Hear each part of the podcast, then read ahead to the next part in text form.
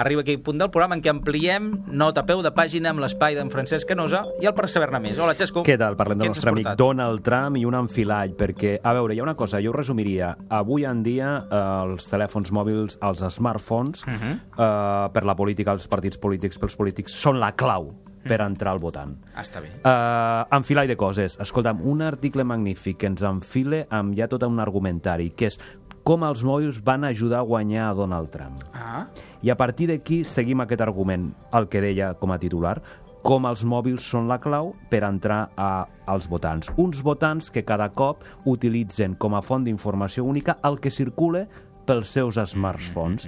Per tant, hi ha una microtargetització i aquella microtargetització fa que hi hagi gent que només consumeixi unes informacions que en molts casos, com en el cas dels votants de Donald Trump, són absolutament estereotipades. Conclusió, no vull saber la veritat, vull que em donin la raó. Em donin. Enfilall de tota una sèrie d'articles i estudis científics, per exemple, l'estudi on està tret això és de la revista científica nord-americana Plus One, uh -huh. on explica tot això, no? aquest mòbil com a element de confiança i aquest, que això ja ha circulat a les darreres eleccions nord-americanes. La cert. clau de què? La clau per entrar a la porta del votant. Ja no hi ha porta a porta, sinó que el porta a porta és el mòbil. Per tant, diguem-ne, us enllaçarem tots aquests articles, des de la victòria dels mòbils de Donald Trump fins a aquests elements de confiança dels, dels mòbils per entrar a la, al cor dels votants, d'acord, i la importància també dels mòbils en aquests nous temps. molt bé, i tot que ho trobareu a www.elsspindoctors.cat.